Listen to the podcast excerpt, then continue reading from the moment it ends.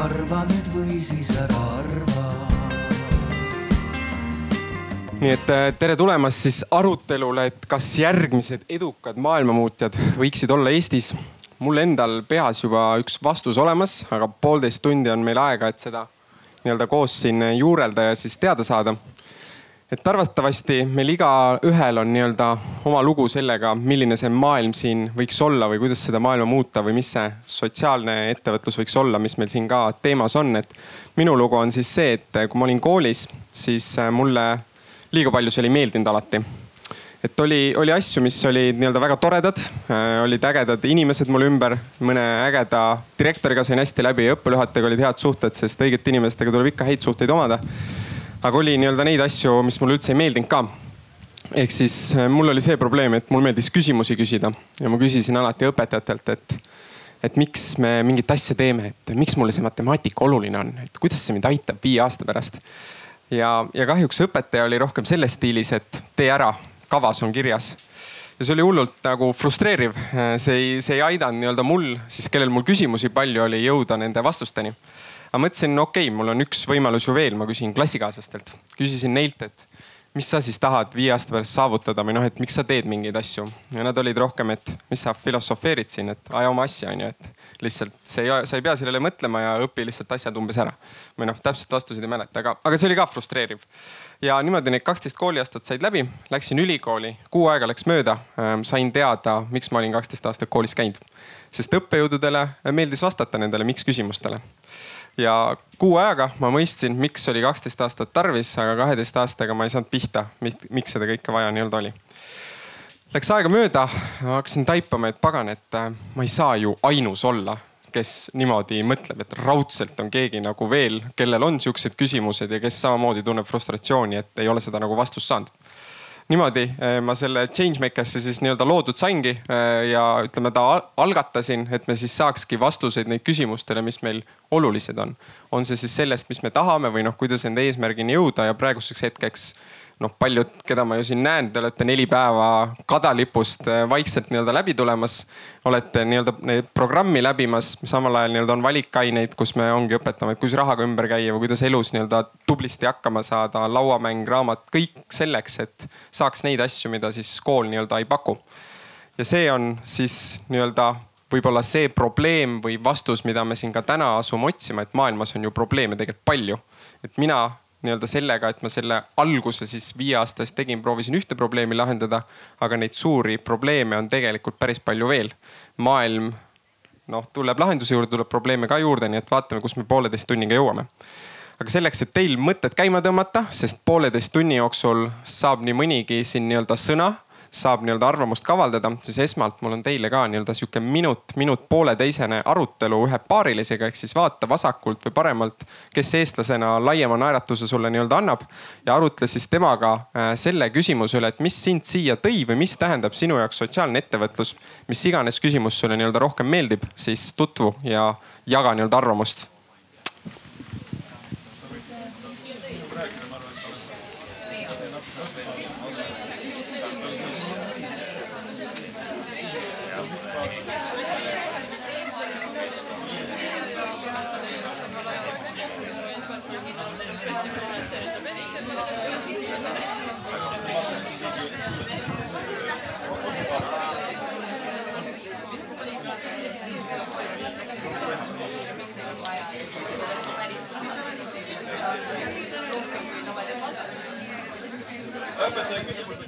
ja õpilane eh, ehk siis, mis sind siia töörühma nii-öelda või workshop'i tõi või siis mis sotsiaalne ettevõtlus su jaoks tähendab?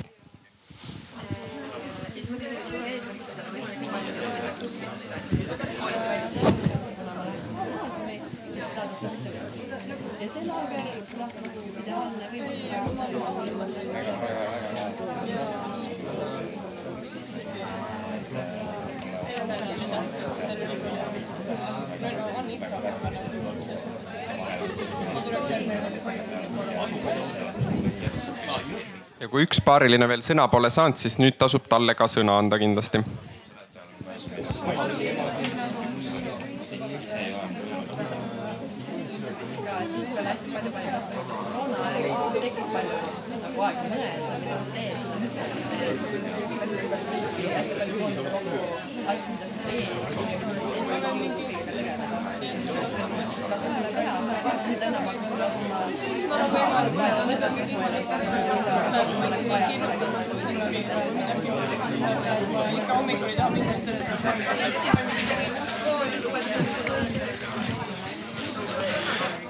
no nii, aga aeg on meil siis äh, täis tiksunud, saab äh, lause lõpuni.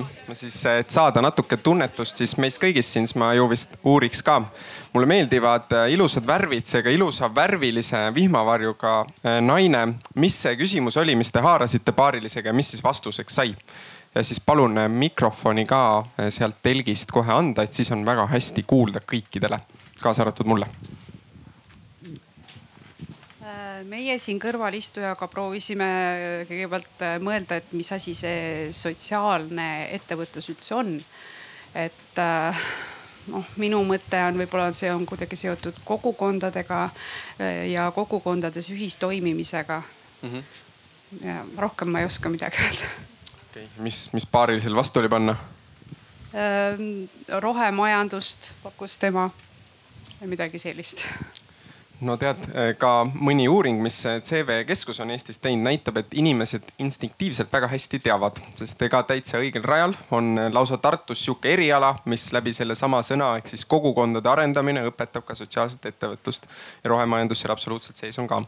nii et hea algus tehtud. no aga võtame ühe veel, näiteks tagareast, mulle meeldib punase-valge kampsun prillidega vaatab ehmunud näoga mulle otsa, seega tähendab, me pilgud on kohtunud seega, mis küsimuse ette võtsite, mis te paarilisega ära jõudsite rääkida? no me arutasime sellest, et äh, miks me siia tulime, sest kuna me ise osaleme ja see, me tulimegi sellepärast siia, et Ketlin helistas meile kas te sellest sotsiaalse ettevõtluse poolest jõudsite ka ette võtta? no me olime kursis sellega, et jah, väga ei arutanud nüüd okei okay., paistab, et emotsioon on üleval ennem kui lavale saab tulla. no väga hea, mingi algus sotsiaalse ettevõtlusega on tehtud, põhjustega miks siia tehtud ka, et ongi, kuna meie arutelu on ju siis selle ümber, et kas need järgmised maailmamuutjad siit saaksid tulla miks me siis sellest nii-öelda veel räägime lisaks isiklikele põhjustele, miks see minu jaoks on oluline, miks see teile võib oluline on ju siis see, et me kõik teame, et siin maailmas koroona on möllanud nii-öelda pikalt. ka enne koroonat tegelikult maailmas oli keerukaid probleeme, koroona on neid ainult juurde toonud. vaimne tervis on üha suurem probleem, kui me vaatame enda ümber, siis on lõpuks ometi on nii-öelda vaadatud ka sellele otsa, et STG-d on väga oluliseks saanud, on nii ähm, fondide osas nii-öelda vaadatakse sellele otsa, ettevõtted üha rohkem teadvustavad endale siis seda olukorda, et meil on tarvis asju jätkusuutlikult teha. seega täna me siis vaatame, kui palju noored või mis on see järgmine nii-öelda samm, mida iga noor saab selle osas siis teha, et maailm muutuks siin meie ümber nii-öelda paremaks kohaks, et see vaimne tervis nii-öelda oleks kõigil parem, et need SDG-d saaksid kõik siis saavutatud ja seda on me, mis me siin aegamisi nii-öelda tegema siis hakkame.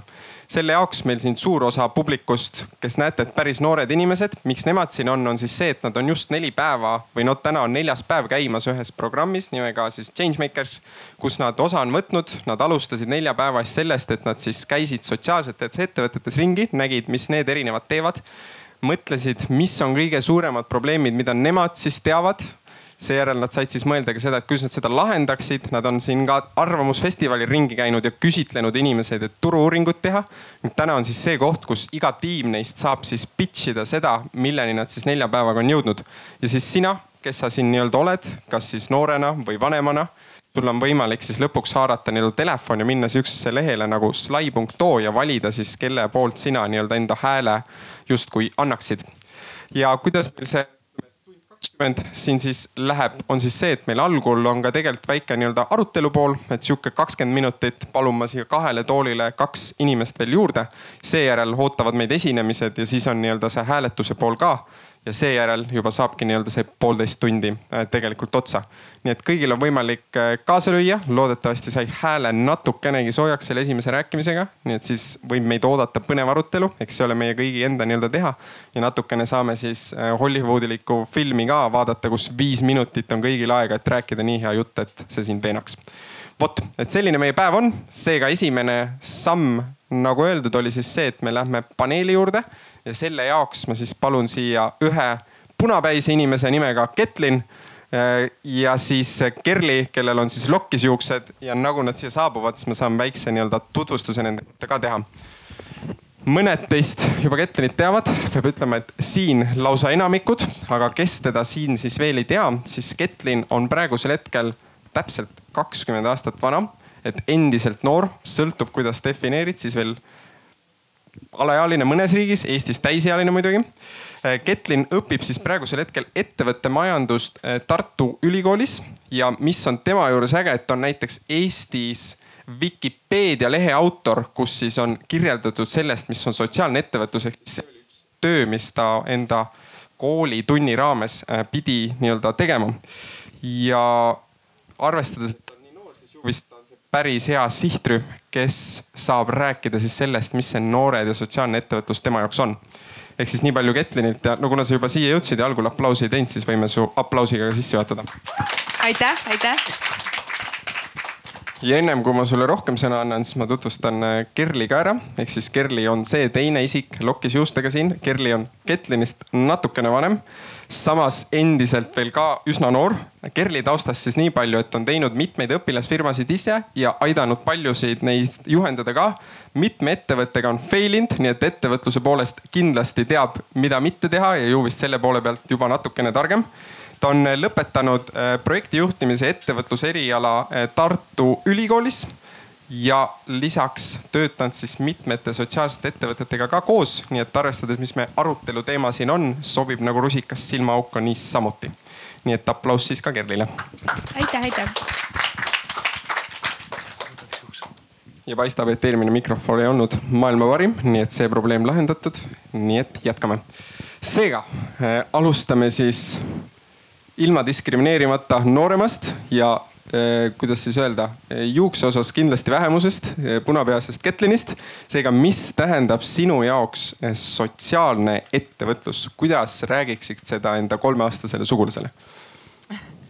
Äh, ju vist ma olen ise hästi kinni jäänud sellesse nii-öelda ametlikumasse definitsiooni ehk siis selline ettevõte, milles vähemalt vähemalt grammikene üle viiekümne protsendi tema tulust äh, läheb tagasi mingi ühiskondliku probleemi lahendamiseks. ehk siis üldiselt sotsiaalne ettevõtlus minu jaoks ju vist ongi viis, kuidas äh, jätkusuutlikult äh, lahendada mingeid probleeme, mis meie ühiskonnas on. olgu see siis seotud loodushoiuga, tervishoiuga, noh tervishoiuga seotud sotsiaalseid ettevõtteid on ju tegelikult ju vist kõige rohkem isegi. on see seotud noortega, on see seotud mingi muu vähemusega noh, ükstapuha, mis äh, selline ühiskondlik probleem, mis äh, ette võib sattuda, ehk siis minu jaoks on sotsiaalne ettevõtlus äh, suurepärane viis, kuidas neid lahendada niimoodi, et, et see on pikaajaline, see on korratav, et neid mustreid võib, võib leida palju-palju ja, ja nagu taaskasutada neid. ehk siis tõesti, et iga kord ei pea leiutama jalgratast ja miks ta on ka see, et kui me võrdleme teda võib-olla heategevusega siis ta on ju tunduvalt nagu kindlam äh, selle poole pealt, et heategevus sõltub sul alati äh, annetustest. Versus siis, kui me räägime sotsiaalsest ettevõtlusest, siis see on siiski ettevõtlus ja noh, alati kunagi ei saa öelda, et ettevõtlus on midagi kindlat. Äh, siis see on siiski midagi, mis ei sõltu vaid inimeste headest soovidest. ehk siis jah, ju vist minu jaoks on see selline definitsiooniga põimunud enda mõtted päris, päris hea. ei no tõesti väga, et selle saaks nii-öelda õpikusse selgitusena väga hästi panna. no aga Kerli, sama küsimus sulle tegelikult no ma siis võib-olla lisan juurde sellise põneva mõtte, mis tegelikult ka meie laagris esimesel päeval läbi käis ja mida me just äh, nii-öelda paarilisega siin arutasime, et kui me joonistaksime siis äh, siia nii-öelda ühele poole südame ja siis keskele teeme sellised nagu südame poole on siis suurem see hark, kuidas iganes ja siis siiapoole teeme nii-öelda selle rahamärgi, siis et see nagu hea ja südame pool, see sotsiaalne pool on nagu olulisem ja siis tuleb see, et me teeme äri ka mm. -hmm. et see oleks võib-olla sihuke hea nii-öelda väike märk, mida kaasa võtta.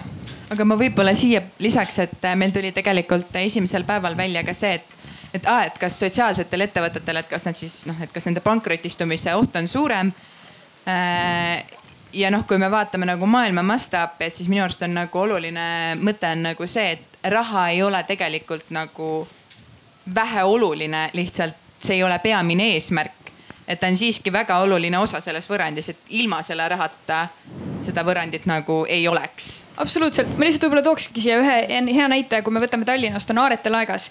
Ja iga kord, kui sa sinna näiteks sisse astud, siis need inimesed on ka nii soojad ja, ja nende jaoks ei olegi oluline, et kui palju ta näiteks palka saab selle töö eest, seal on inimesed läinud, ehk siis tegu on heategevuspoega, kus siis müüakse erinevaid äh, riideid ja muid eluks vajalikke esemeid ja neid tihti nii-öelda odavamate hindadega, et ka pered, kes on raskustes, suudaksid sealt näiteks osta endale nii-öelda vajalikke esemeid.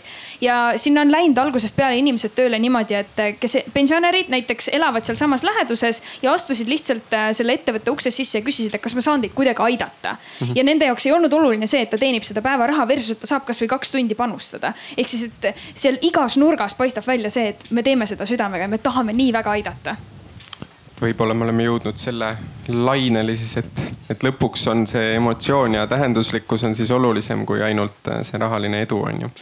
no aga kuna meil siin palju noori on ja meie pealkiri on ju ka, et näed, et kas järgmised maailmamuutjad siis saaksid siitsamast on ju tulla, et, et miks, miks siis see noorte pool nii-öelda sotsiaalse ettevõtluse juures äh, oluline on või noh, et miks sa ise oled siis otsustanud, et näed, et oleks mõttekas aidata noortel seda sotsiaalse ettevõtluse pisikut saada. et alustame siis Kerli sinust mm. -hmm minu jaoks ilmselt üks äh, hea näide on siitsamast laagrist kaks aastat tagasi tuli välja selline nii-öelda ettevõtmine, kogukondlik tegemine Around the table.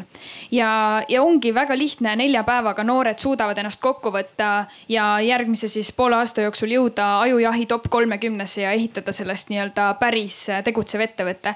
jah, tänaseks äh, seoses nii-öelda koolide ja muude põnevate projektidega on sellest saanud lihtsalt kogukondlik kooskäimine, kus siis nii-öelda Tartu Tartus pakutakse võimalust, et Eesti pered võtavad välismaalasi vastu ja saavad nii-öelda kultuuride justkui nii-öelda suhtlemist ja vaheldumist seal korraldada. aga et see mõte seal taga, et noored suudavad seda väga kiiresti teha, on ilmselt see, mis mulle sealt juurest väga nagu meeldib. ja teise poole pealt, kui me võtame selle, et sotsiaalne ettevõtlus ei ole Eestis leidnud näiteks veel äh, nii-öelda ühiskondlikult oma vormi, et tal ei ole mingit sihukest kindlat nii-öelda, et kas ta on siis OÜ või MTÜ, ta võib praegu kõik olla, aga tal ei ole sihukest oma nagu nii-öelda õiget juriidilist vormi siis äh, me jõuame sinna, et äh, meil on nii-öelda noored tulevad peale ja nemad võiksid just tulla oma selle õige juriidilise vormiga ja nad tõmbavad endaga kaasa, et me vaatamegi rohkem seda, et mis ühiskonnas toimub, me tahamegi maailma päästa ja kõik see nii-öelda värske energia toob selle justkui laine, et, et see sotsiaalne ettevõtlus on noorte poole kaldu nii-öelda. okei okay,, tuleb panustada sinna, kus kõige suurem mõju on okei okay,, Inno Ketlin, mis sul, on sul miskit lisada või mis sul lisada on? Äh, noh, ma, ma ei tahaks äh, öelda seda, et ah, et noh, et vanale koerale uusi trikke ei õpeta, sest et ma olen absoluutselt veendunud, et sotsiaalne ettevõtlus võib olla äh, igaühe asi ja noh, võikski olla igaühe südameasi.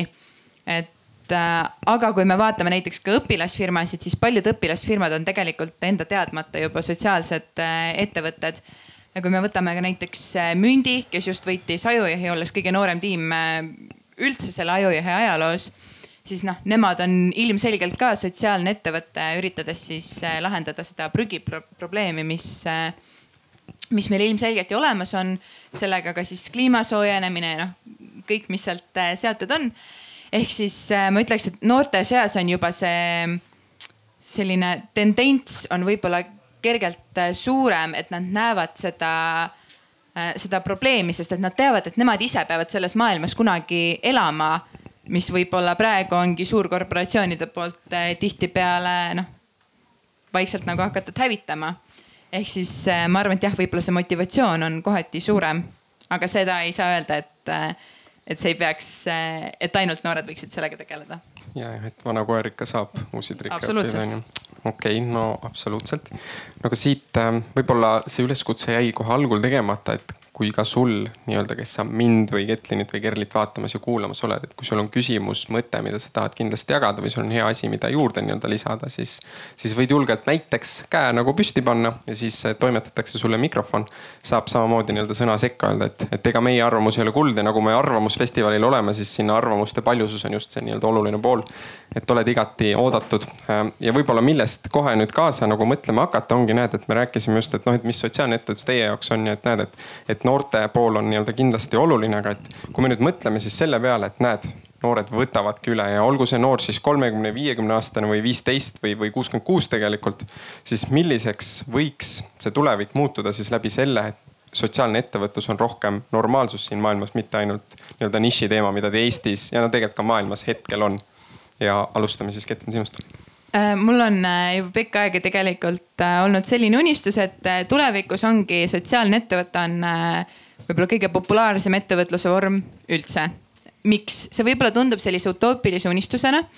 küll aga ma usun, et, et kui iga ettevõte oleks kasvõi võib-olla mitte sotsiaalne ettevõte, aga kasvõi sotsiaalselt vastutustundlik.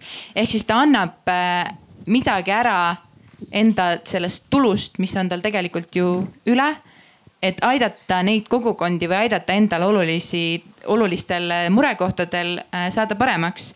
siis tegelikult, kui me mõtleme, et kui iga inimene näiteks oleks üks protsent parem iga päev, siis kokkuvõttes oleks meie maailm iga päevaga miljoneid protsente parem.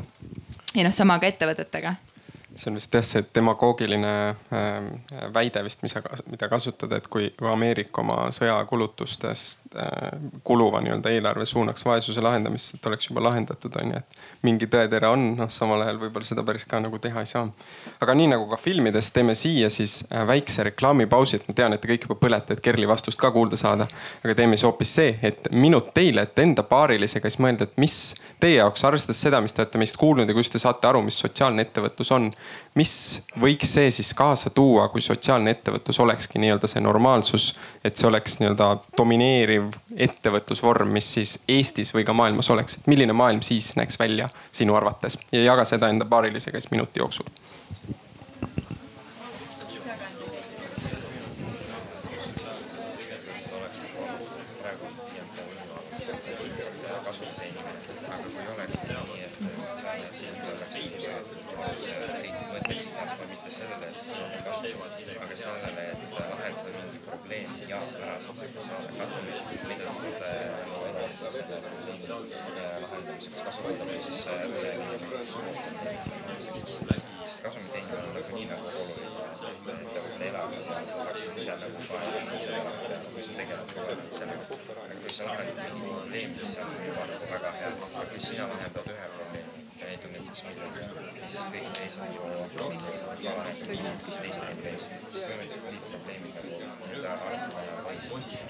kui veel paariline pole jaganud, siis lase tal ka vastu jagada.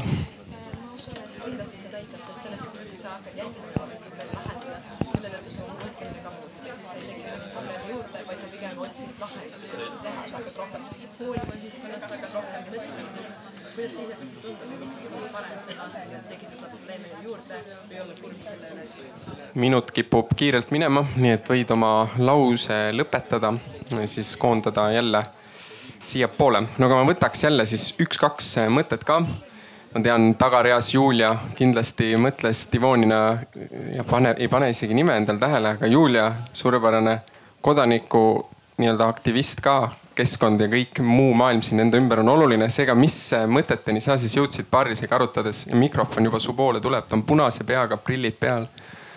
nii et räägi, Julia, mis, mis mõte või kaks äh, jõudsite paarilisega arutleda? tere tere ehm,. no oleks tore eh, tegelikult me rääkisime sellest, et eh, probleemi kogu aeg tulevad ja ei, ei tule sellest momendi, et eh, maailm on nüüd väga terve, probleeme ei ole, kõik on äh,, kõik on ilusad ja terved, ma ei tea.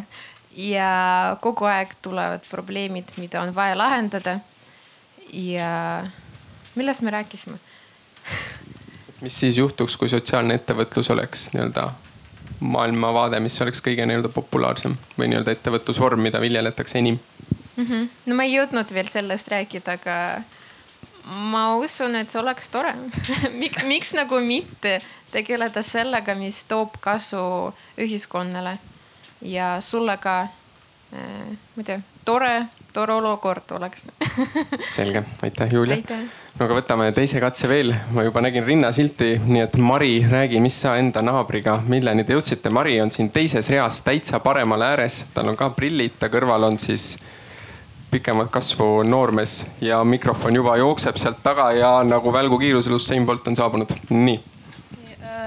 no me jõudsime siis äh, arusaamisele, et maailm oleks siis äh, võib-olla natuke parem paik ja inimesed oleksid siis nagu õnnelikumad, sest mõeldakse rohkem mitte nii enda peale, aga pigem ühiskonna ja kõikide inimeste nagu õnnelikkuse peale või niimoodi mm. -hmm.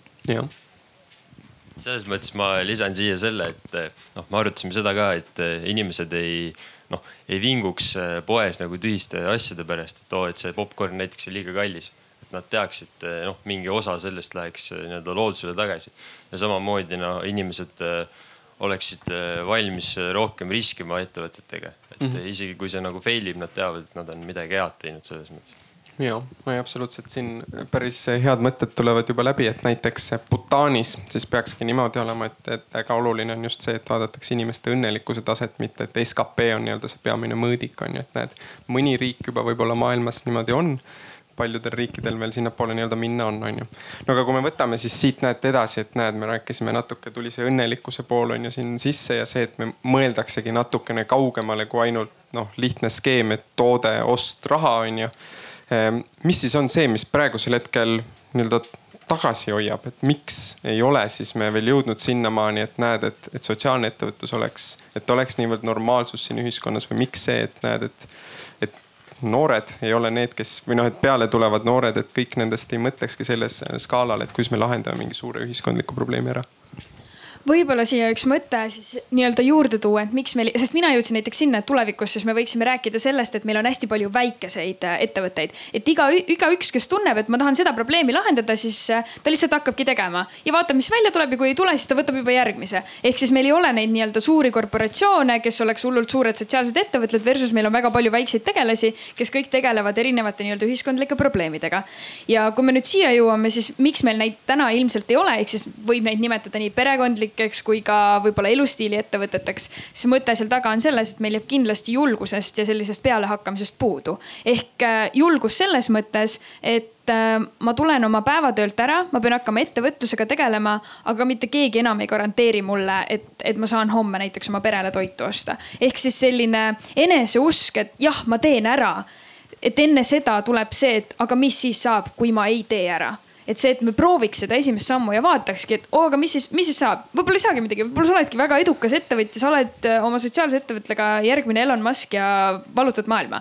et miks me ei võiks niipidi mõelda, ehk siis me peaksime jõudma sinna, et me usume endasse ja me tahamegi katsetada, et meie eesmärk ei ole mitte see, et me kogu aeg kardame läbikukkumist, vaid me proovime ära ja siis me proovime uuesti ja siis me teeme kolmandat korda ja viiendal korral me olemegi õnnestunud. Tundub, et see esimene mõte peaks olema, et mis on see esimene samm, mis me saame teha, mitte et mis võib halvasti minna stiilis okei okay,, no aga Ketlin, äh, sama nii-öelda küsimus sulle ja siis meil tuleb siit üks hea jätkuküsimus kohe ka. Äh, mind ükskord hästi pani ennast muigama, kui äh, minu kohta öeldi, et ma olen tüdruk, kes on müünud oma südame ettevõtlusele, mida veel ei eksisteeri. ehk siis tegelikult ju sotsiaalset ettevõtlust kui juriidilist vormi Eestis ei ole et on, äh, on riike, näiteks kasvõi Läti, kes on meist selles osas eespool. aga kui me mõtleme ikkagi maailma mastaabis, siis ta on võrdlemisi tundmatu teema, ehk siis kindlasti on ka natukene võib-olla lobitööd äh, vaja teha et lihtsalt äh, teada, et sihuke variant on nagu olemas, et sinu peamine, peamine mõte ettevõtte tegemisel ei pea olema see, et kui palju raha sa taskusse kühveldad. aga noh, et jah, ma ütleksingi võib-olla seda, et kui meil oleks juba igas kohas oleks need juriidilised äh, vormid, et sa saaksidki registreerida enda ettevõtte, kui et see on sotsiaalne ettevõte, mitte ainult MTÜ või noh, mingi muu ettevõtte vorm. Et siis see oleks ka võib-olla kindlasti suur, suur samm juba selle poole ja teadvustamise poole. okei okay,, okei. Okay no ütleme, siin siis käis läbi see nii-öelda keskkonna loomise pool, aga kui võtta nagu teise poole pealt, et sa ka üsna alles on ju äh, kooli lõpetanud, tulnud nii-öelda kaksteist aastat haridussüsteemist läbi et kui me võtaks siis nii-öelda selle pehmema poole või mitte siis jah, juriidilise vormi, vaid kuivõrd, mis siis on näiteks see, et, et kui sa vaatad tagasi, et näed, miks me ei julge rohkem teha seda esimest sammu ja miks me kardame eksida. mis annaks, mis sina muudaksid enda nii-öelda tee juures siis selleni, et sa näed, oleksidki kohe sellise mõtteviisiga, et davai, ma teen ise selle sammu, ma katsetan nii kaua, kuni ma siis saan selle probleemi lahendatud ma arvan, et meil on hästi selline suurkorporatsioonide ühiskond, ehk siis kõik arvavad, et neil ettevõtte loomiseks neil on vaja võib-olla paari miljonit või noh, vähemalt paari tuhandet, et, et oma ettevõtet luua, mis tegelikult ju ei ole üldse tõsi, et noh, paljud ettevõtted, eriti näiteks õpilasfirmad, millest on noh, edasi arenenud ka suured päris sellised, päris toimivad ettevõtted, et need on võib-olla alustanudki viiekümne euroga. noh, mis ilmselgelt ei ole nagu selline hoomamatult suur summa ja ma arvan, et tihti nagu eriti noore jaoks, kellel võib-olla enda sissetulekut ei ole ja tal ei ole isegi võimalust seda võib-olla nii palju umbes aastatega koguda, et see on nüüd minu ettevõtte alustamise kapital. et siis tihti jääbki võib-olla selle raha taha ja hirmu taha, et mul on nüüd hullult palju vaja seda kapitali ja kuna mul seda ei ole, siis mul ei ole üldse mõtet isegi mõelda sellele. et siis äh, jah, ma ütleks, et vähemalt see oli see, kui, et kui mina nagu koolis käisin ja enne kui ma võib-olla siin ettevõtlusmaailma tegelikult puhtjuhuslikult sattusin et siis need olid kindlasti minu sellised äh, küsimused, et mis mul nagu peas tekkisid, sest et keegi ei olnud loonud mulle koolis sellist keskkonda. Äh, noh, välja arvatud siis võib-olla üheteistkümnenda klassi äh, võimalus õpilasfirmat luua, mis on väga tänuväärne minu arust. et, et sellist keskkonda nagu ei ole, kus, kus sind julgustatakse, et sa võid alustada kasvõi nulliga okei okay., no aga võtame, tead, Kerli, eh, sul natukene rohkem möödas siis sellest samast kohast, mis Ketsil just nagu küsimus oli, et mis on su vaade siis viis aastat hiljem no minu vaade, mina tuleks sinna tagasi, et me saame koolis väga palju karistada selle eest, kui me vastame midagi valesti. ehk siis me ei julgegi eksida, sellepärast et no kui ma võtan näiteks enda matemaatikatunni, siis ma sain ühe matemaatikatunnil viis väikest kahte, mis moodustas suure kahe, sest ma nagu julgesin vastata, aga ma vastasin valesti. või et kui mult küsiti, siis ma lõpuks enam ei julgenud vastata ja siis ma sain selle eest nagu vastupäidi jalga, et ma ei vastanud, aga nagu enne seda eelnes kõik muu. ehk äh, seda nii-öelda julgustamist ja seda poolt jääb nagu kõvasti puudu ja kui sul just ei ole enda ümber seltskonda, kes äh, motiveeriks või oleks nagu, et aa, et mis siis nagu teeme ära või et proovime või katsetame seda õpilasfirmat selle asemel, et teha lihtsalt äh, paberil kirjutada niisama oma uurimistöö valmis, siis äh, seda ei juhtugi. Ja, ja kui seda ei juhtu koolis, siis äh, ülikoolis võib-olla sa oled samamoodi pigem nii-öelda vaiksem, tagasihoidlikum ja lähedki nii-öelda teistsugust rada, kuigi sinus on tohutut potentsiaali, et ise nii-öelda vallutada maailm okei okay., no selge pilt, paistab, et väikseid kahekesi ei tasuks nii palju anda, onju, pigem väikseid, ma ei teagi, mis asju. no mõndades koolides üldse vist kuni ma ei tea, kas kuuenda klassini ei pandagi hindeid või midagi taolist, onju. Eh, no aga siit vaikselt liikuda nii-öelda vaikselt tempokalt eh, nii-öelda lõpupoole. Eh, kuidas siis hoolimata sellest, et pannakse neid pisikesi kahekesi ja ja näed, tulebki see hirmu pool natuke rohkem üles ja ütleme, ei ole juriidilist vormi. probleeme on alati, onju, et aga mis saaks olla siis, äh, kust sa alustaksid, et nii-öelda näed, see noor või vanem, kuuekümne viie aastane noor saaks selle sotsiaalse ettevõttega või selle mingi probleemi lahendamisega nii-öelda alustada mina võtaksin täitsa selle neljapäevase laagri põhiselt, nagu meil siin on ka, et lihtsalt noored ju tulevad kokku, istuvad maha äh,. alguses saavad tuttavaks kohalike sotsiaalsete ettevõtetega ja siis istuvad järgmised poolteist tundi maas, mõtlevad nii-öelda ajurünnaku käigus probleeme, järgmised poolteist tundi ajurünnaku käigus lahendusi. ja, ja siis juba teeme kohe turu-uuringu otsa ja siis vaatame, mis välja tuleb. ehk äh, minu nii-öelda see soovitus võib-olla olekski see, et äh, mis sest, kui sind on maha tehtud või et kui sinu ümber kogu maailm ütleb sulle, et sa ei saa hakkama. Aga võta siis enda, endale vähemalt üks-kaks seda sõpra kokku, istu homme õhtul juba maha ja tehkegi ajurünnak äh, selle peale, et mis probleemid maailmas on, vaadake, mis kõige rohkem kõnetab, siis juba lahendused ja siis juba vaadata, et äh, kas see on loodud või me saame midagi paremini teha. ja lihtsalt esimene katsetus ära teha. Ja kui see läheb aia taha, siis see pakub palju rohkem rõõmu ja lõbu ja ma arvan, et seda toredam on juba järgmist teha just ja näed, kui Kerli lausest siin ei piisa, siis alati on võimalik ka lindistus Arvamusfestivalilt saada sedasama lauset nii-öelda uuesti kuulata, et siis nii-öelda julgustusena võiks aidata. aga, aga Kets võib-olla siis või Ketlin, vabandust, ametlik koht ikkagist. et seesama küsimus siis sulle, et näed, tahad maailma muutmisega alustada paljud asjad seda nii-öelda ei soosi, puudub see juriidi, juriidiline vorm, puudub see, et näed, pannakse väikseid kahekesi, mis ei tee sind selle osas nagu julgemaks. ja no küll on nii-öelda saba märg ja, ja maa on külm, aga kuidas sa selle maailma muutmisega siis pihta hakkaksid siin tänasel päeval? noh, esiteks äh, kasvata endale paks nahk. Äh, aga see tuleb ju vist ka kogemustega. aga teiseks ma ütleks, et äh, alusta väikselt, et kui sa tunned, et sa suurelt fail ida ei taha, siis alustuseks võib-olla fail'i väiksemalt. et, et kohe ei pea, kohe sinu esimene idee ei pea olema selline, mis nüüd järgnevad kakskümmend aastat toimib ja et see mingit absoluutselt maailma rahu nüüd toob või näljahäda ära umbes lahendab. et, et isegi väike probleem on ju, väikse probleemi lahendamine on juba üks samm noh, tegelikult ju lähemale.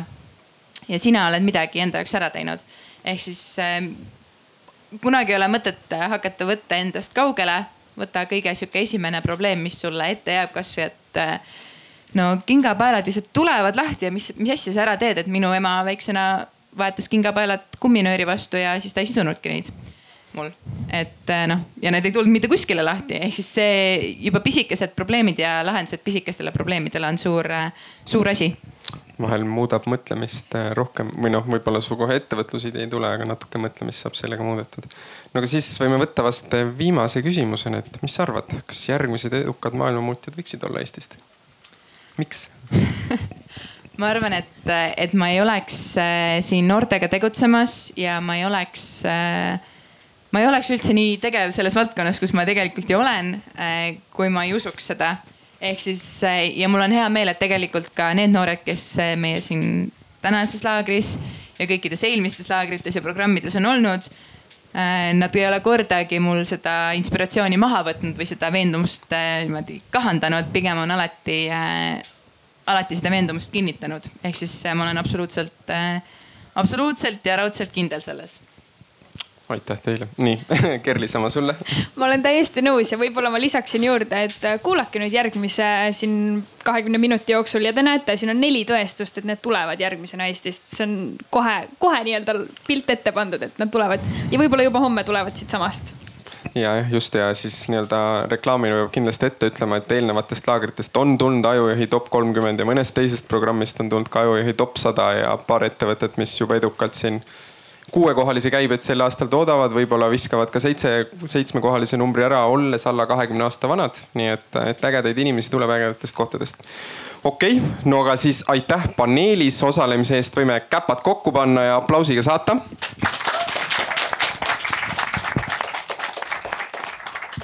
Et me jõudsime siis, võib öelda, et meil on nii-öelda kolm olulist plokki, et esimene plokk on tehtud ja ma näen, mõnel pulss juba selgelt siin kiirenemas on, sest nüüd tuleb liikuda lausa kaks meetrit eh, minule lähemale ja hakata rääkima viie minuti jooksul. ehk siis, kui me praegu näed, paneeli pool oli ära ja saime kuulda mõne noorema, mõne natukene nii-öelda vanema inimesi mõtteid siis selle teema ümber, siis nüüd on see koht, kus tegelikult neli tiimi saavad meile siis rääkida, mis nemad nii-öelda nelja päeva jooksul teinud on ja anda siis endast parima selle osas, et ka teised näeksid, et see on siis nii-öelda hästi tehtud ja niimoodi tõesti või et see on tõesti probleem, millele tasuks nii-öelda tähelepanu pöörata ja see lahendus ka ära teha seega ma eeldaks siis vähemalt, et äh, järjekord on teada, mina seda ei tea, mina lihtsalt paluksin esimesena siis siia äh, selle tiimi, kes esimesena tuleb ja korralduslikult siis veel nii palju, et igal tiimil on aega viis minutit. selleks siis taimer asub sul seal täitsa taga, keskel kaamera juures. Ketlinil on nii suur tablet, et sa võiksid arvata, et see on arvuti, aga tegelikult see on tahvelarvuti hoopis ja seejärel, kui need viis minutit on läbi, on ka kaks minutit küsimusteks. Neid äh, saan küsida mina, neid saad küsida sina, umbes kolmkümmend, kes meid siin nii-öelda on et võite seda teha, võite seda ka mitte teha, valik on täpselt teie. ja kui need kaks minutit on läbi, siis on nii-öelda tiimivahetus ja tuleb äh, järgmine ette. Äh, kui need tiimid saavad neli tükki siin ees oldud, siis meil kõigil on võimalus võtta välja mingisugune nutikas seade, kus siis saab enda hääle anda ja siis tekib nii-öelda hääle andmisvõimalus, natukene hääletusaega, kus me siis saame siin ka mõtte kaks omavahel veel jagada, kui kõik eh, enda hääli annavad ja siis vaikselt juba hakkabki selguma siis see nii-öelda neljast, see üks, kes täna enim kõikidele meeldib. aga eh, pika jutu kokkuvõtteks. esimene tiim võib tulla siia, kaks mikrofoni asuvad teil siinsamas ja Ketlin paneb aja käima siis, kui te hakkate esimest sõna ütlema. seega esimese tiimi võime siis aplausiga lavale kutsuda ja nad saavad juba edasi rääkida.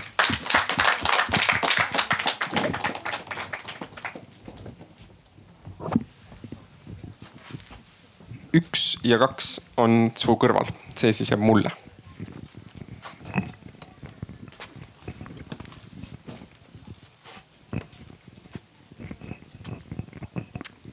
tervist kõigile, meie oleme noored Changemakers laagrist ning mina olen Triinu, see on teile ja see on Kirmo ning tutvustame teile oma sotsiaalse ettevõtte ideed. probleem, mida meie proovisime lahendada, oli ebavõrdsus tööl ning eriti noorte osas, samuti ka noorte raisatud potentsiaal ning segadus ja tundmatus tööturul kuidas siis noored peamiselt tööd leiavad? loomulikult tutvuste kaudu kui ka sotsiaalmeediast kuid selliste kanalite kaudu töö leidmine on paljudele noortele päris raske. ning meil on selleks lahendus. me teeme nimelt veebilehe, mis ühendab noore vanuses kolmteist kuni üheksateist tööandjaga. miks see, miks see on tööandjale kasulik? sellepärast, et tööandjad saavad lihtsasti leida oma ettevõttesse töölisi, kelle puhul pole vajalikud erioskused, no näiteks üritusel abistamine. samuti on ettevõtete, ettevõtetel noortest kasu, sest kuigi neil on lühem, lühemad töötunnid, on tihedamate vahetuste tõttu töötajad energilisemad ja motiveeritumad. noorele on see sellepärast kasulik, et ta saab töökogemust ning samuti ta hakkab siis kujundama oma tööharjumusi, mis on tuleviku lõikes väga head. ja kui me nüüd veebilehe juurde liigume, siis see on meie esileht meil on läbiv disain hästi selge, lihtne ja kasutajasõbralik, et oleks mugav kasutada. kõik on noortele arusaadavas keeles, samas me säilitame ametlikkuse ning esilehel me näemegi siis kahte nuppu, üks on tööotsijale ja teine on tööandjale ja kui me sinna tööotsija nupule vajutame, siis leht natuke laeb. ja jõuame järgmise järgmisele leheküljele ja näeme otsingukasti, kus saab siis otsida töid ning samuti on seal filtrisüsteem. ühel pool tulbast on populaarsed tööpakkumised ning teisel pool lähedal olevad pakkumised. meie saidil saabki siis filtreerida tööpakkumisi erinevatesse kategooriatesse, näiteks populaarsuse järgi, asukoha kui ka tööperioodi pikkuse samuti on meie üheks prioriteediks tagada saidil turvalisus. selleks, et me seda tagada saaksime, kindlasti majutame veebilehe Eestisse, et me teaksime, kes seda teenust pakub ning kus need serverid reaalselt asuvad. samuti saavad noored ja tööandjad teha omale konto meie süsteemi, et oleks mugavam kasutada ja töötajad ja tööandjad saavad anda tagasisidet, et järgnevaks tööpuhuks on näha siis, et kas antud töötaja on usaldusväärne või mitte. ja lisaks on meil ka süsteemis olemas privaatsõnumite süsteem, et ettevõtja ei pea noorele saatma e-kirja, et on kõik kohe, kohe olemas ühes kohas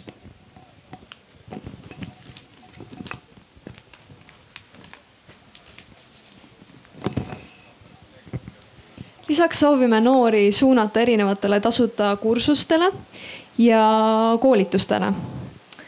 koolituste teemad võiks, võiksid olla näiteks noorte vaimse tervise kohta, firma loomise kohta, finantskirjaoskuse kohta ja nii edasi.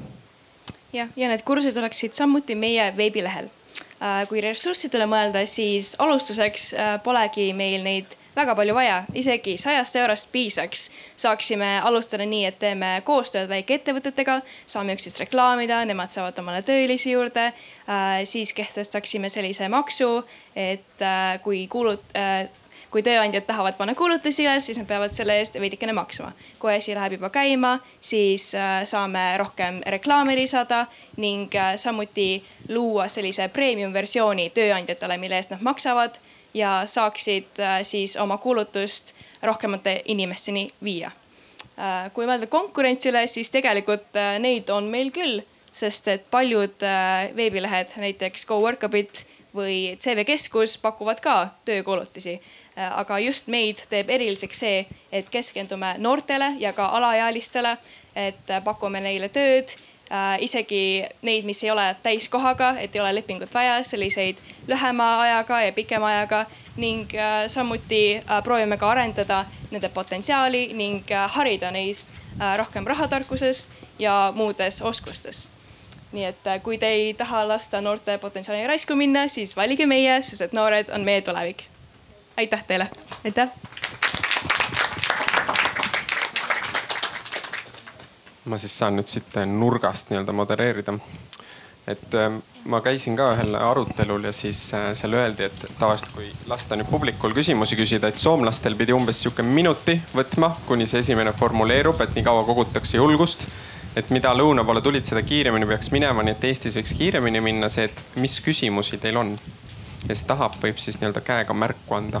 ma teen kandva vaikiva pausi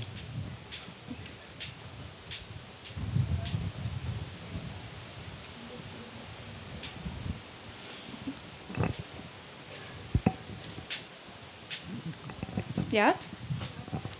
praktika vastab tõele. et, et teil on seal seade leheküljel väga palju isikuandmeid ja sellist informatsiooni. kuidas te kaitsete seda informatsiooni? nagu ma juba vastasin, siis kindlasti on antud serverid Eestis ja me teame, kes seda haldab. aga lisaturvalisuse nimel saab siis kõiki süsteeme kogu aeg uuendada, turvavigu parandada ning kasutada turvalisi paroole. et kõik on ilusti kaitstud. jah, aitäh ja palun, minut veel jäänud küsimuste esitamiseks.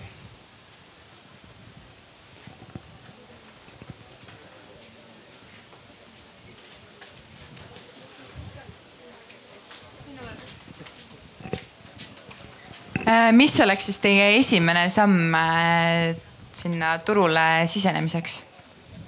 Äh, kindlasti olekski koostöö just väiksemate ettevõtetega, kes saaksid ka meile teha reklaami ja me saaks teha neile reklaami.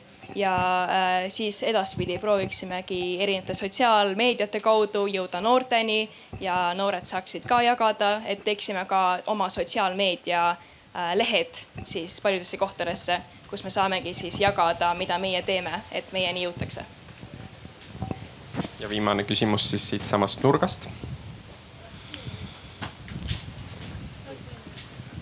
kuidas te garanteerite seda, et see portaal jääbki ainult noortele selles mõttes, et kui vanem inimene, noh, ta võib öelda, et äh, ma olen noor ja ta tuleb sinna ja tahab no näiteks hooajalist tööd mugavalt lihtsalt otsida selles mõttes et kuidas te seda nagu garanteerite? seda saab kaitsta hästi lihtsasti, et kui ta tõesti portaali kasutada tahab, siis ta võib vabalt näiteks oma ID-kaardi esipildi siis saata sellest, et me reaalselt teame, et see on see isik. selge mis iganes need vastused olid, vastused on antud.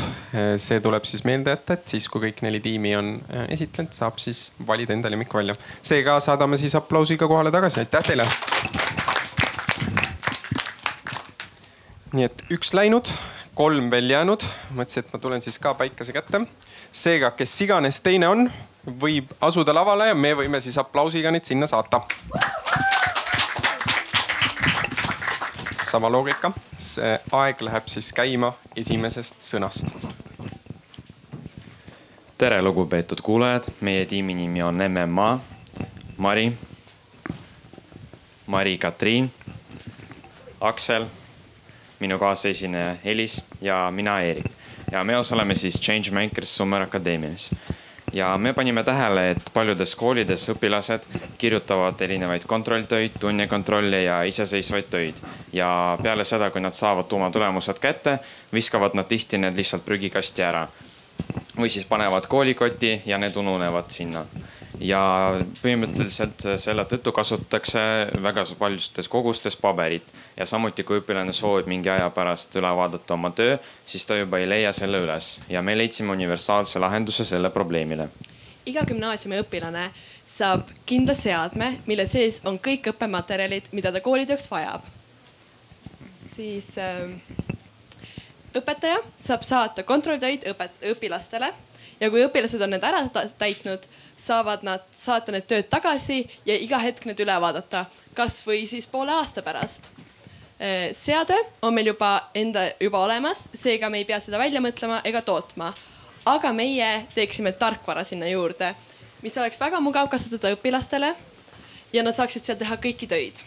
selle tagajärjel väheneks paberikasutus, mille ostmine ja trükkimine nõuab koolilt raha pakume eelkõige oma teenust gümnaasiumiõpilastele, kuna nad on palju vastutustundlikumad kui näiteks põhikooliõpilased, kes võivad selle ära lõhkuda. samuti noored on, samuti noored harjuvad kiiremini muutustega ja õpetajatele saame pakkuda koolitusi, kus nad siis saavad seadmega lähemalt kasutada, tundma õppida gümnaasium äh, võtaks osalise maksu, kas siis iga aasta järgi või kuu järgi, olenevalt sellest, kui palju seadeid nad kasutada soovivad. Sellise regulaarse tasuga palkaksime meie programmeerijaid, hoolitseksime seadete eest ja teeksime uusi tarkvara värskendusi koolile, siis see tähendaks, et nad ei peaks raha kulutama enam printerite peale, paberite ega ka tindi peale. Üheks probleemiks on siis see, et me peame õpikut digitaalseks muutma ja selle tõttu me teeme koostööd sellise tarkvaraga nagu Opiq, mille siis äh, õppematerjalid sobivad meie süsteemi siis integreerimiseks me oleme teinud ka SWOT analüüsi, kus me kirjutasime välja oma idee tugevused, nõrkused, võimalused ja ka ohud. põhiline, kõige suurem tugevus oli mugavus, eelkõige õpilaste jaoks nõrkuseks võiksime tuua välja öö, ümberharjumisaja, mis võib venida. Võimalusena näeme me seda, et seda tarkvara saab kogu aeg värskendada ja täiustada. ning oht võib olla see, et seadmed võivad kinni kiiluda või siis, et koolid ei suuda neid kõiki korraga välja osta. Need on kõik kavad, millega me saame teha oma toodet paremaks tulevikus ja turu-uuringu käigus saime selgeks, et see on väga hea idee ja väga tugev ja me tahame sellega ka edasi tegeleda. Meie oleme siis tiim mma.ee, aitäh tähelepanu eest ja oleme valmis teie küsimustele vastama.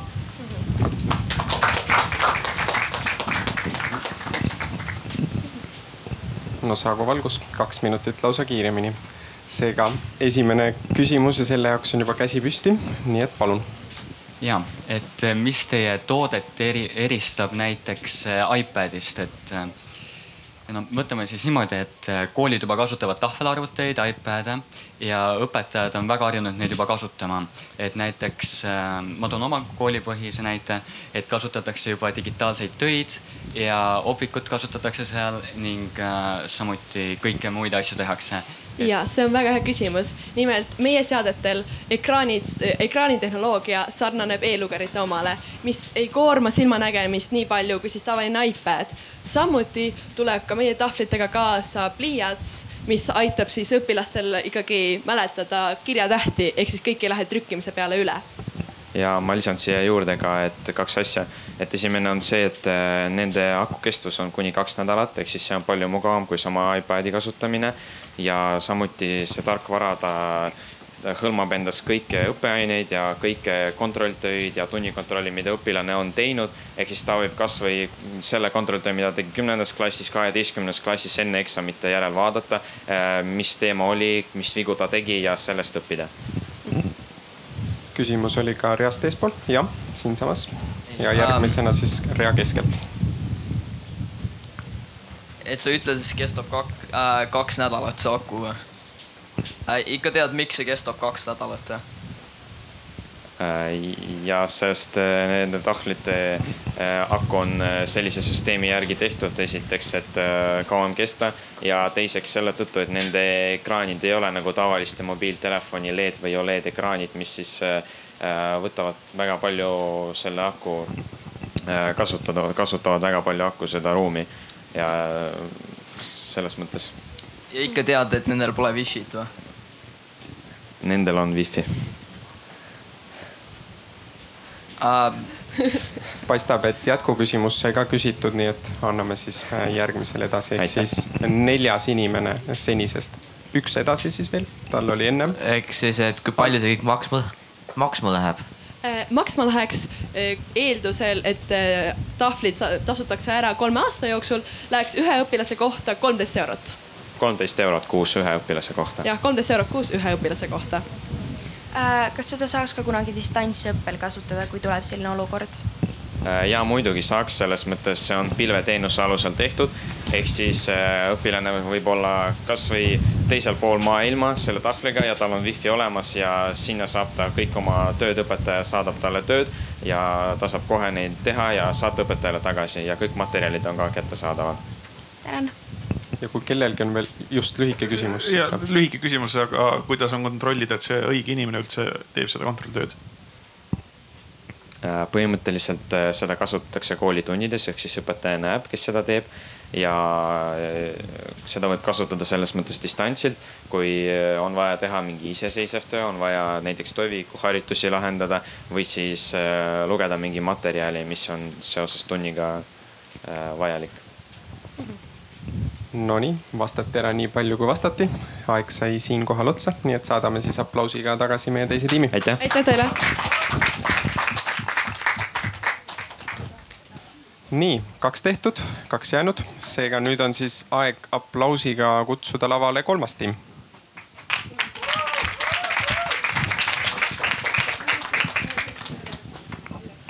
Loogika endiselt täpselt seesama lihtne, et Ketlin paistab tahvelarvutiga valmis olevat, seega esimesest sõnast läheb siis viis minutit käima. tere, mina olen Martina.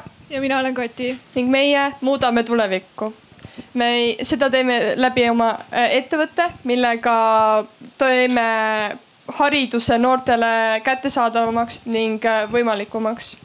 Äh, probleem, mida oma ettevõttega lahendame, on see, et õpetajaid on ülekoormatud ning neid on tööturul liiga vähe.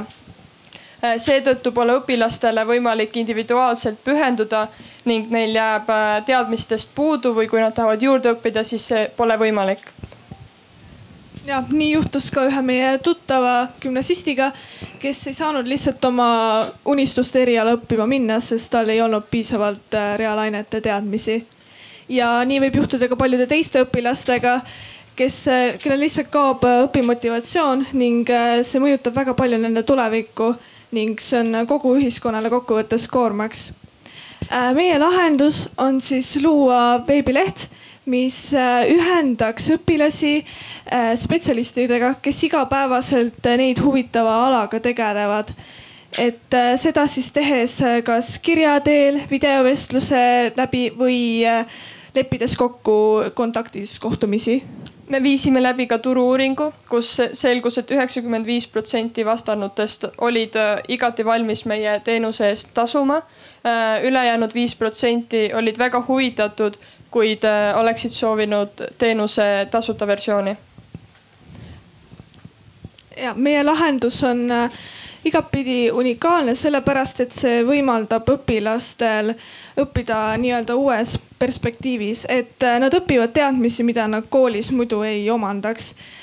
meil on ka peamine konku konkurent Mentornote, aga me erineme nendest sellepärast, et esiteks tahame me ka Äh, pakkuda tasuta tunde õpilastele, kes ei suuda, nad on äh, vähe teenivates peredes ning nad ei suuda lihtsalt tavalisi lisatunde soetada. teiseks äh, annavad tunde meil oma eriala spetsialistid, mitte õpetajad, inimesed, kes nagunii iga päev selle alaga tegelevad ning äh, tooks ka välja, et äh, meie teenus on, ole nagu kõike saab äh, kätte ühelt leheküljelt. seega saab kontakteeruda õpetajatega, saab tunde teha, kõik on koos. ei pea kellegi teiste kanalite läbi käima vajadus meie teenusele on suur. Eestis on ligikaudu sada viiskümmend neli tuhat kooliõpilast, kellest iga viies vajab lisatuge Äh, see vajadus on veel enamgi kasvanud viimase pooleteise aasta jooksul, kuna Covid-19 pandeemia tõttu on õpilased sunnitud distantsõppel õppima. See tuli välja ka meie turu-uuringus, kus enamik vastanutest väitsid, et äh, distantsõpe on mõjunud halvasti nende õpihuvile ja motivatsioonile ning äh, nad vajavad lisatuge, mida kool ei paku alguseks vajaksime me siis raha, et oma teenust reklaamida ning äh, ka selleks, et äh, toetada äh, väheteenivatest peredest lastele tasuta tundide andmist. raha mõtleme me koguda annetajatelt ning investoritelt. Ja me soovime ka tulevikus teha koostööd ettevõttega Edumus, et koos Eesti noorte tuleviku ja edasiõppimise huvi kasvatada.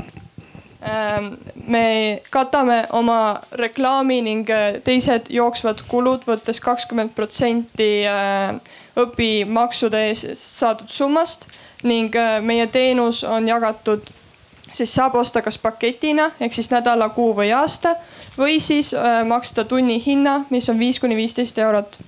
Ähm, tulevikus sooviksime laieneda ka tudengitele, et äh, ka nemadki saaksid äh, eriala professionaalidega rohkem enda valitud erialast teada saada ning näha ka, kuidas seda päriselt äh, igapäevaelus kasutada ja kogemust praktiseerida. me loodaksime ka, et meie veebileht oleks võimalus saada võima-, rohkem võimalusi praktikaks ning luua tööalaseid suhteid ja kogemusi. seega, kui valite meid, valite Eesti noorteharidust, aitäh.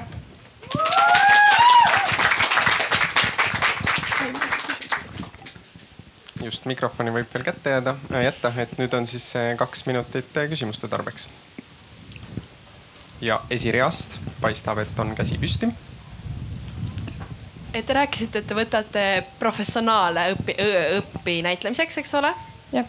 jah, et mis oleks see motivatsioon professionaalidel kooli tulla, mis on nende see kasu või siis sihuke hea motivaator, kirss tordi peal nii-öelda? me me rääkisime ka turu-uuringus erinevate professorite ja oma ala spetsialistidega, kes väitsid, et neil on tõesti nagu südames huvi aidata noori ning neile rohkem nagu teada teha, mis eriala on ja nad nagu nad südames tahavadki aidata. et see, päris paljud ütlesid seda. aitäh. nii, ootame järgmist küsimust, et ees saaks ikka praadida korralikult. seal ah,. väga hea, mikrofon juba jookseb ja kohal ta ongi. tere, mina siis võtan selle õpetaja perspektiivi hetkel, ehk siis äh, kui te väitsite väga armsalt, et äh, kaasate spetsialiste siis äh, mina näen siin ühte väga suurt lõhet sellega, et kui me räägime näiteks põhikooliõpilasest ja oma ala professionaalist, siis kuidas nende terminite kasutus jõuaks samale levelile? no nii palju, kui me õpilastest aru saime, siis äh, äh, enamus õpilasi soovivadki rohkem nagu süvitsi saada aru sellest. ja minul endal on kogemus äh, rääkida, ma olen ka läbinud just keemikuga näiteks eratunde ja nad kuidagi teevad selle just päevakohasemaks ja sellest kõigest on rohkem aru saada, et ei olnud mingit probleemi terminite kasutamise ega millegiga, et kui igatahes oli palju selgem arusaam kui päris tundides. ja kui on üks ülilühike küsimus, siis on veel võimalik küsida. ja kui ülilühikest küsimust pole, siis ongi kaks minutit läbi, aitäh. suur aitäh.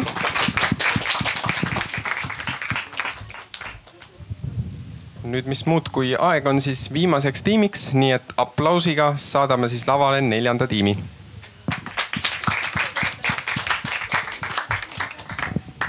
protsess ikka täpselt seesama, ehk siis nagu esimene sõna saab öeldud, Ketlin paneb siis aja jooksma ja siis teil on aega täpselt viis minutit, misjärel kaks minutit küsimuste esitamiseks.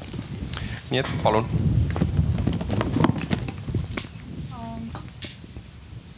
tere, mina olen Karoliina. ja mina olen Anette. ning meie tuleme Changemakers Summer Academy'st uh,. ma usun, et paljud meist siin on arvamusel, et uh, toidu raiskamine on maailmas üks väga levinud suur probleem. näiteks ÜRO Toidu- ja Põllumajandusorganisatsiooni andmetel läheb üks kolmandik terves maailmas toodetud äh, toidust lihtsalt raisku. Äh, ka Eesti suured toidupoed viskavad ära tohututes kogustes kaupa, äh, sest uus kaup tuleb kogu aeg peale ja osa toidust, mis ära visatakse, on siis säilivusajale lähenemas, kuid ei ole seda veel ületanud seega visatakse ära toit, mis on täiesti söömiskõlbulik. Äh, näiteks Stockholmi Keskkonnainstituudi uuringu kohaselt jääb ühes aastas äh, Eesti toidupoodides müümata umbes kaksteist tuhat tonni toiduaineid. Euroopa Komisjoni tellitud uuringu kohaselt visatakse müümata toit enamjaolt prügikasti. ja vaid väga väike osa sellest jõuab toidupankadeni ja seega ka abivajalik, abivajajateni Äh, jah, kuid meil on selleks lahendus. meie idee on järgmine. me ostaksime suurtelt toidupoodidelt äh, tähtajal lähenevaid äh, tooteid, mis on veel söögikõlbil, kõlblikud. seejärel valmistavad meie kokad neist odavamaid, kuid äh, restorani kvaliteediga tooteid, roogasid. me ei ole leidnud küll otseseid konkurente. on kohti, kes nagu ähm, võtavad jääke teistelt restoranidelt, aga toidupoodidel on jääkide järgijäämine suurem. eile siin Arvamusfestivalil tegime turu-uuringut ja küsitlesime inimesi, et kas nad tuleksid meie restorani ja mis nad sellest arvavad. saime palju positiivset tagasisidet ja nad ütlesid, nad kiitsid meie ideed heaks ähm, samuti öeldi, et see võrdsustaks ebaühtsust, mis tuleb toidujääkide äraviskamisest. vaid kolm vastanud neljakümne kuuest olid skeptilised. et skeptiliste inimeste probleeme vähendada, teeksime oma äriplaani võimalikult läbipaistvaks. iga toidu juures on kirjas, mis poesse tuleb ja parim enne tähtaeg on samuti teada esimesteks äh, sammudeks olekski siis ähm, turu-uuringute tegemine näiteks ja poodidega kokkulepete tegemine. Ähm, samuti peaksime leidma äripinna ja alguses võime ka alustada natuke väiksemalt, et äh, teha kas toiduputka või selline noh, et vahepeal on, et festivalidel näiteks kaubikud sellised toidu jah, et, et kui alustuseks nii palju raha restorani jaoks ei saa, siis äh, oleks ka see lahendus Äh, ning äh, miks peaksite siis meid valima? Äh, meilt saab odavamalt, kuigi kvaliteetset toitu. ning samuti meil vahetub menüü iga kolme-nelja päeva tagant, sest noh, poodidest tulevad ju erinevad toidud ja, ja menüü oleks mitmekesine. ning me teeme oma restorani toidud korralikust nagu kontrollitud toidust. ja mis vastasel korral lendaks lihtsalt prügikasti aitäh kuulamast. aitäh.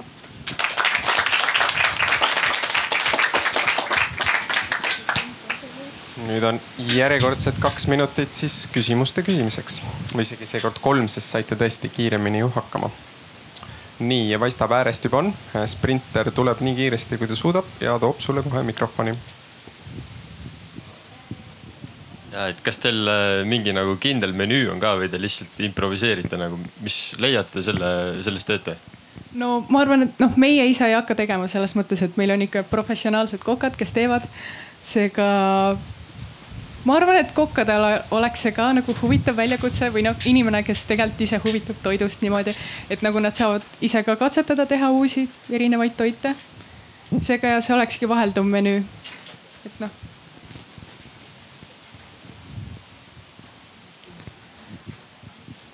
ja et äh, mul on selline küsimus ka, et äh, võib-olla te rääkisite sellest, aga ma ei kuulnud, aga ma küsin ikkagi üle.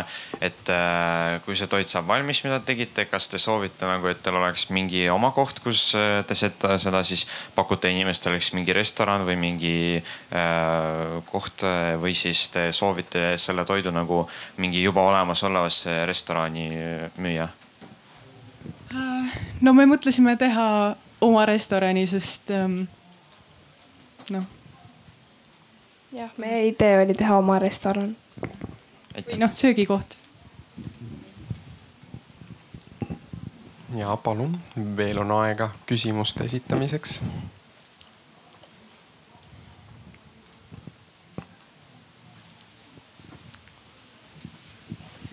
Eh, te rääkisite läbipaistvusest, aga kuidas te olete mõelnud näiteks eh, kontrollida, et need eh, kõik need toiduained on värsked, ehk siis kuidas te tekitate need klientides seda usaldust? no kontrollitakse üle ja me peaksime siis no ma nagu ütlesin, et me neid, nad on, nendel on teada parim enne tähtaeg ja nad teavad, kust poest see tuleb kõik oleks kontrollitud. kui nad tahavad, siis me näitame nendele need kontrollitud paberid üle, kui jah. Te rääkisite, et te teete restorani, aga kust te kõik selle jaoks raha võtate, kõik need maksavad, et kust see sissetulek tuleb äh,? ja, et äh, me võimegi alustada jällegi väiksemalt, et äh, teha alguses selline mm, nagu noh, kaubiku restoran või selline midagi. äh, nagu. sponsorid ja koostööd. jah, just, et noh, need organisatsioonid ka, kes äh, annavadki noorte projektidele rahastust. et ka sealt võib proovida ja viimane lühike küsimus tuleb siit vasakult nurgast. et äh, ma olen nüüd see suvi tö- töötanud poes ja tavaliselt nagu poed ei võta riiulitelt enne tooteid ära, kui see on päev pärast nende parim enne tooteaega. ehk siis äh, kuidas te kavatsete nagu teha seda menüüd niimoodi, et äh, ta oleks äh, mitu päeva järjest, sest te ütlesite kolm kuni neli päeva järjest, kui teie toiduained ei ole nagu nii kindlad ai, selles mõttes, et nagu ongi kontrollitud toit. et nagu me ei saa teha sööki toodetest, mis, mis on nagu tähtaja nii ületanud, et need nüüd tekitaks mingi mürgitused või asjad. et äh, noh, aitäh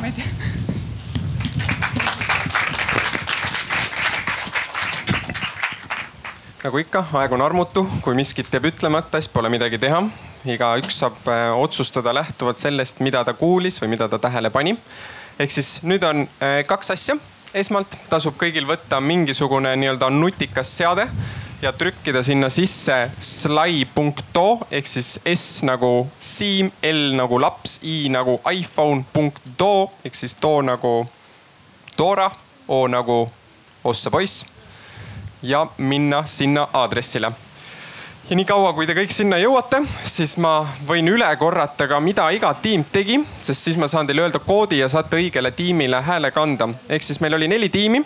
tiim number üks äh, mõtles siis välja lahendus ehk siis tööportaali noortele tiim number kaks, nende idee seisnes siis tarkvara ja seadmes, mis aitab digitaalseid kodutöid teha tiim kolm oli siis, tahtis luua veebilehte, mis aitaks õpilasi ja spetsialiste ühendada ja tiim neli tahtis osta toitu kokku ja valmistada seda siis enda restoranis sellest toit. ehk siis, kui te olete slai.to lehel, tasub sisse panna kood kaheksa, üheksa, kaheksa, üheksa, üheksa, kaheksa. kordan veel kaheksa, üheksa, kaheksa, üheksa, üheksa, kaheksa ja saate anda hääle siis ühele, kahele, kolmele või neljale, nende järjekord on nii, nagu nad esinesid ja just nii, nagu sai öeldud. kaheksa, üheksa, kaheksa, üheksa, üheksa, kaheksa. sihuke keeleväänaja võib öelda selle kohta. ehk siis kood on kaheksa, üheksa, kaheksa, üheksa, üheksa, kaheksa ja hääletamine see lõpuni teeme, on siis kolm minutit aega ehk siis viisteist, viisteist on siis selleks kaheksa, üheksa, kaheksa, üheksa, üheksa, kaheksa. kaheksa, üheksa, kaheksa, üheksa, üheksa, kaheksa.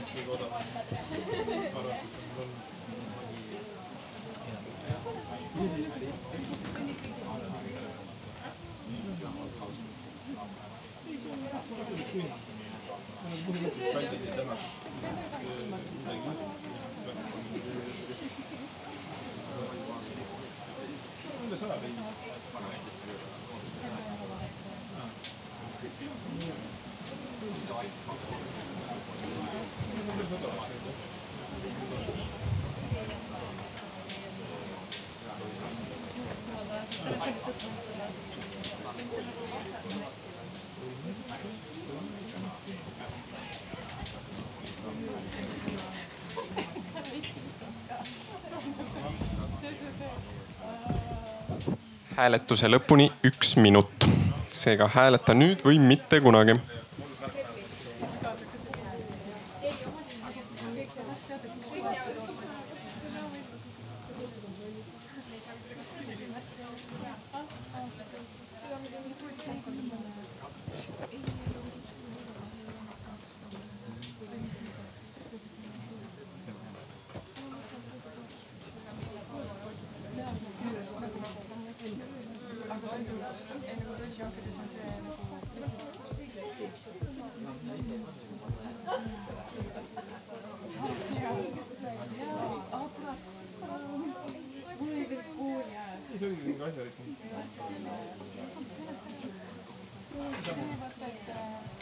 ühes mingis saates ma ei tea, Veiko arvamus, iganes nagu käis mingi naine või aa, üks mees käis ka nagu, et prügikastide, toidupoodide prügikastide tagant käis nagu korjamas toitu ja, ja täiesti normaalne toidu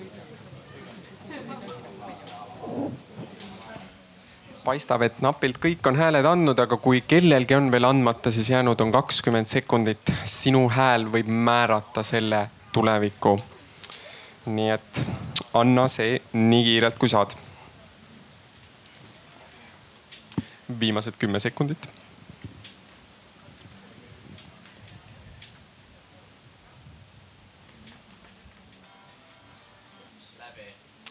just, hääletus on läbi tulemused on mul üle vaadatud.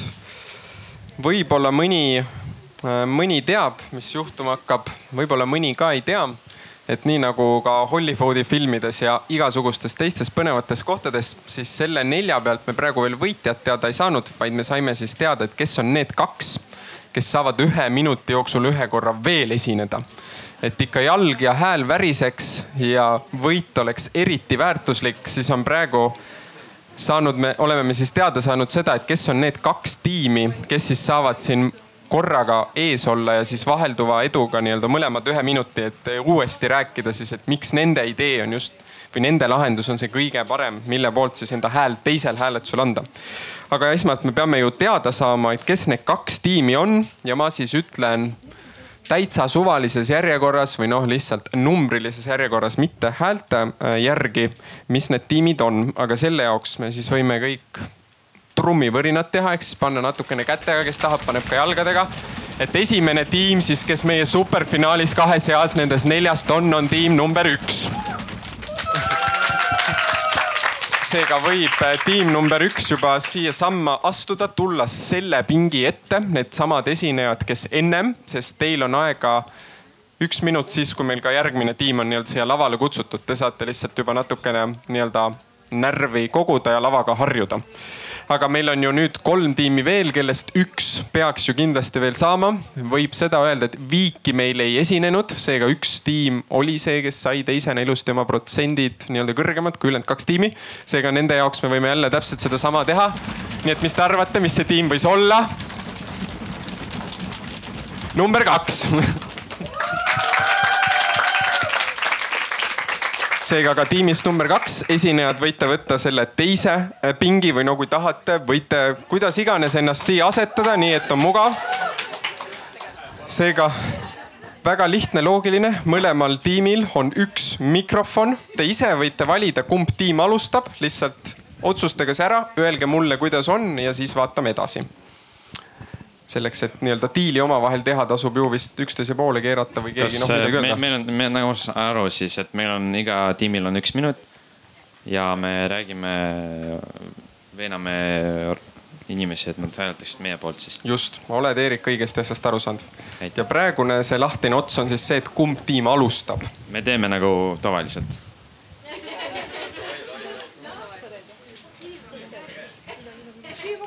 oskad kivipaberkääre mängida?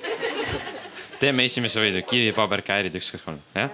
okei okay., kivi, paber, käärid, üks, kaks, kolm. kivi, paber, käärid, üks, kaks, kolm. siis äh, meie alustame, jah? no näed, siis me saime esimesena alustaja selgeks. ülesanne ongi väga lihtne, üks minut. Ketlinil on taaskord taimer, kui aeg saab täis ja jutt tahab jätkuda, siis ma lihtsalt segan ülbelt vahele ja ei olegi muud teha, kui lõpetada enda jutt sõna pealt nii et esimene ja ainus minut läheb käima esimesest sõnast põhimõtteliselt, kui võtta meie idee pikas perspektiivis näiteks viis aastat, siis äh, paberikasutus väheneb niivõrd oluliselt, et äh, koolid ei pea raiskama nüüd nii palju raha selleks, et osta printereid, osta tinti, osta sedasama paberit. ehk siis äh, põhimõtteliselt see muutub väga paberisäästlikuks. kui võtta näiteks nee idee, nende idee, siis see on pigem selline online asi, mis füüsiliselt kuidagi nagu ei, ei ole keskkonna nagu heaks tehtud. ja on olemas ka näiteks CV keskus ja nagu nad võite, tõid välja Cowork Habit ja meie tiimi näiteks üks liige, kes on praegu kuusteist, on leidnud CV keskusest endale töö ehk siis see on ikka võimalused sellised näiteks, aga meie idee on selline universaalne, et ma, ma ei tea, kust te võiksite sellist leida, võib-olla Taanis ongi see, sest me oleme kuulnud sellest, et Taanis kasutatakse äh, praegu väga palju tehnikat äh, koolides õppimiseks. aga konkreetselt see idee, et on olemas igal õpilasel oma tahvel, ta on kogu aeg temaga. oi, oi, oi, aeg sai täitsa täis, aeg nii otsas, nii hea jutt, aitäh sulle ka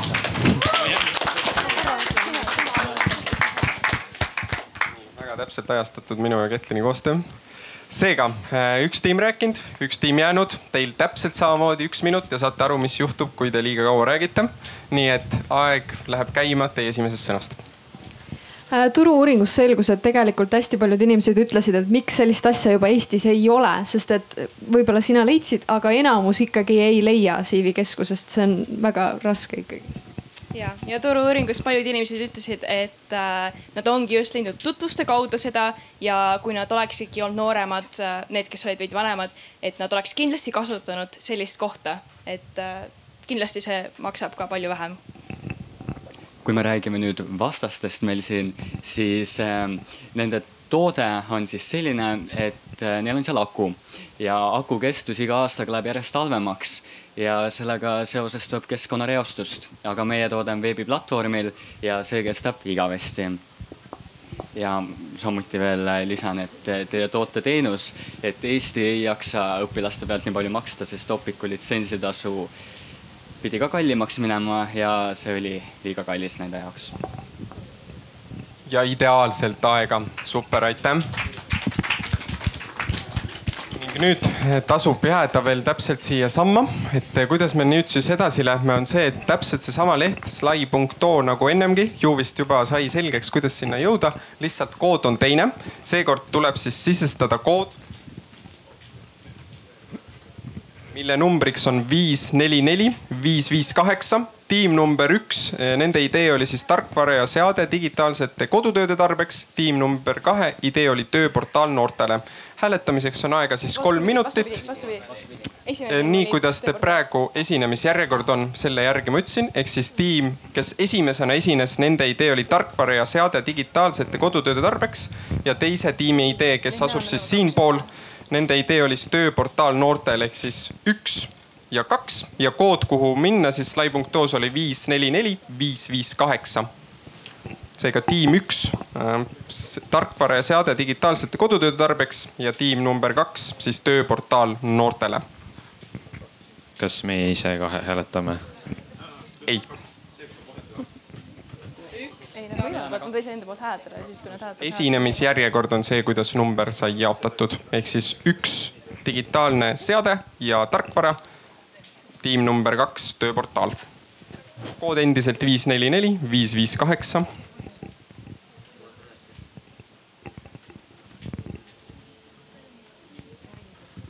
hääletamise lõpuni siis kaks minutit. Ketlin juba taga seal neid hääletustulemusi vaikselt näeb, kuna minu hotspot on vahepeal kadunud, siis ma lähen vaatan ka, mis temal toimub. paistab, et olukord on tasavägine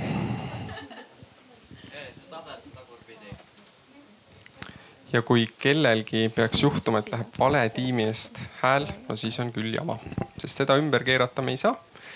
aga praegu on olukord väga tasavägine, nii et iga hääl otsustab, kuusteist häält antud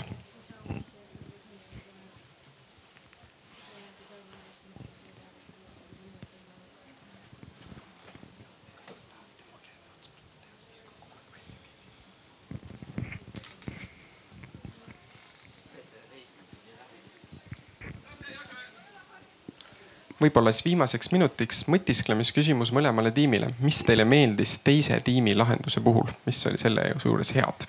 alustame siis tiimist üks. no ma mõtlen siis enda eest, et äh, nad äh, tõid välja selle argumendi minu öeldud kohta, et, CV keskuses on tõesti raske leida noorele tööd, sest ma ise olen seal otsinud, aga see on no võimalik põhimõtteliselt. Et äh, kui nende platvorm tõesti võimaldab seda noortele teha mugavalt ja kiiresti, siis see on äh, tõesti hea idee. aitäh. ja palun ka teine tiim esimese kohta Äh, mõte on kindlasti väga hea, eriti just selle ekraani poolest, et kui inimestel tõesti tekiks selline harjumus vaadata neid ekraane, mis ei kahjusta silmi, siis seda toodet võib isegi laiendada näiteks arvutiteks ja nii edasi, et see kindlasti parandaks õpilaste und ja keskendumisvõimet, mis on ka siis kasvav probleem praegu sellise kasvava tehnoloogiaga praegu. väga hea, hästi öeldud, hääletamise lõpuni kümme sekundit ja hetkel on vahet tõesti lähedal. paistab, et aeg sai täis, meil on siin selge, kelleltki vist hääli viimase poole minuti jooksul juurde ei tulnud, nii et paistab, et teie argumendid kedagi ümber ei kallutanud, saime teada, kumb see võitja on. Kuna meil oli hääli nii palju kui oli, siis võin juba praegu öelda, et ühe häälega võideti, nii et sinu hääl tõesti luges, kelle iganes heaks sa selle panid. seega ei teagi kohe, mis öelda kui võtta seda siis kokku võib-olla nii, et see on kõigest üks võistlus, neid võistlusi tuleb palju veel. Ma ei ole isegi kindel, kas Linda oma round the table'iga, võib-olla ta siin nii-öelda programmis võitis, võib-olla isegi võitnud, aga näed, läks ajujahti edasi ja seal sai igasuguseid asju nii-öelda veel, et siin võistles Kerli näitas. tead, oleks isegi ägedam olnud, kui oleks kaotanud. aga see selleks võistlusi on palju, osasid tasub võita, osasid tasub kaotada, oluline on lõppkokkuvõttes nendest õppida aga praegu meil on ju teada, kumb see nii-öelda võitev tiim on, kes siis võitis ühehäälelise enamusega, mis protsentides väljendus teistmoodi, nii et me võime oma trummid ja kõik muud asjad jälle käima tõmmata ja vaatame, kes see siis on. keegi võib kuskilt tagant ka karjuda, mis ta arvab, kumb võis võita. nii ja võitja oli tiim üks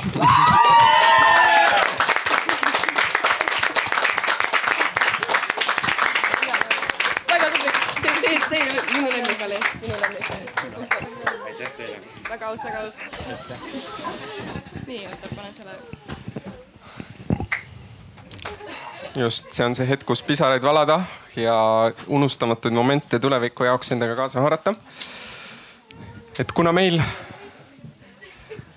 on jäänud nii-öelda ka viimased eh, kaks minutit, eh, võitja on meil selge, me saime arutatud ka sellest nii-öelda, mis, mis see sotsiaalne ettevõtlus on, mis siin kuidas noored saaksid siis seda maailma edasi viia või et kas need järgmised maailmamuutjad siit Eestist tuleksid, siis saime nii-öelda selle pooleteise tunnis ka vaadata siis üle, et kes need potentsiaalselt võiksid olla. tegelikult võib neist olla igaüks, et see teine nii-öelda noor, kes meil siin programmides eh, on käinud ta on olnud mitmes rollis siin programmis, mitte kunagi ei võitnud, ometigi nii-öelda temal on ka ettevõttega nii-öelda väga hästi läinud, et ju vist see üks point, mis siis esinemiste poole pealt kaasa võtta, et võit või kaotus, suht ebaolulised asjad, lihtsalt tore tagasiside selle kohta, mis sa selle viie minuti või kahe minuti jooksul tegid või nelja päeva jooksul aga kui võtta see arutelu kokku, siis mis on äge ju vist selle teema juures on see, et kuigi Eestis on ta uskumatult nii-öelda väike ja tõeline nii-öelda nišš, kus meil on ühe uuringu järgi umbes sada sotsiaalset ettevõtet, teise järgi natukene nii-öelda rohkem ja kolmanda järgi veel vähem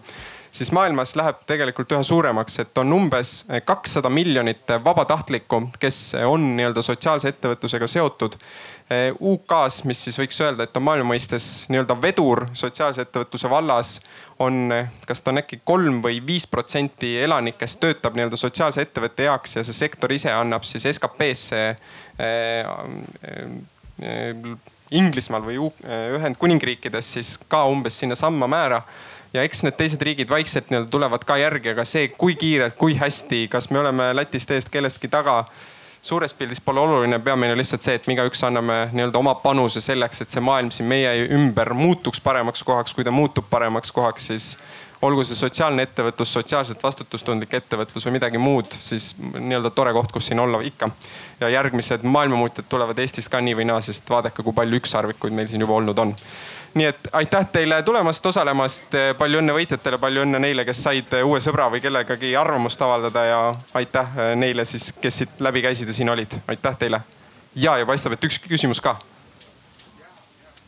no ma annan enda mikrofoni ja kui tohib, ma sattusin siia kogemata lihtsalt, mind tee ääres suunati, et ma olen nagu rämedalt ülekvalifitseeritud, et ma olen kahe kõrgharidusega ma, keskkonnaeetika õppejõud ja ma teeks lihtsalt mõned märkused et äh, näiteks see restorani asi, et äh, restoranis on see asi, et see on vaja väga kiirelt äh, edasi müüa.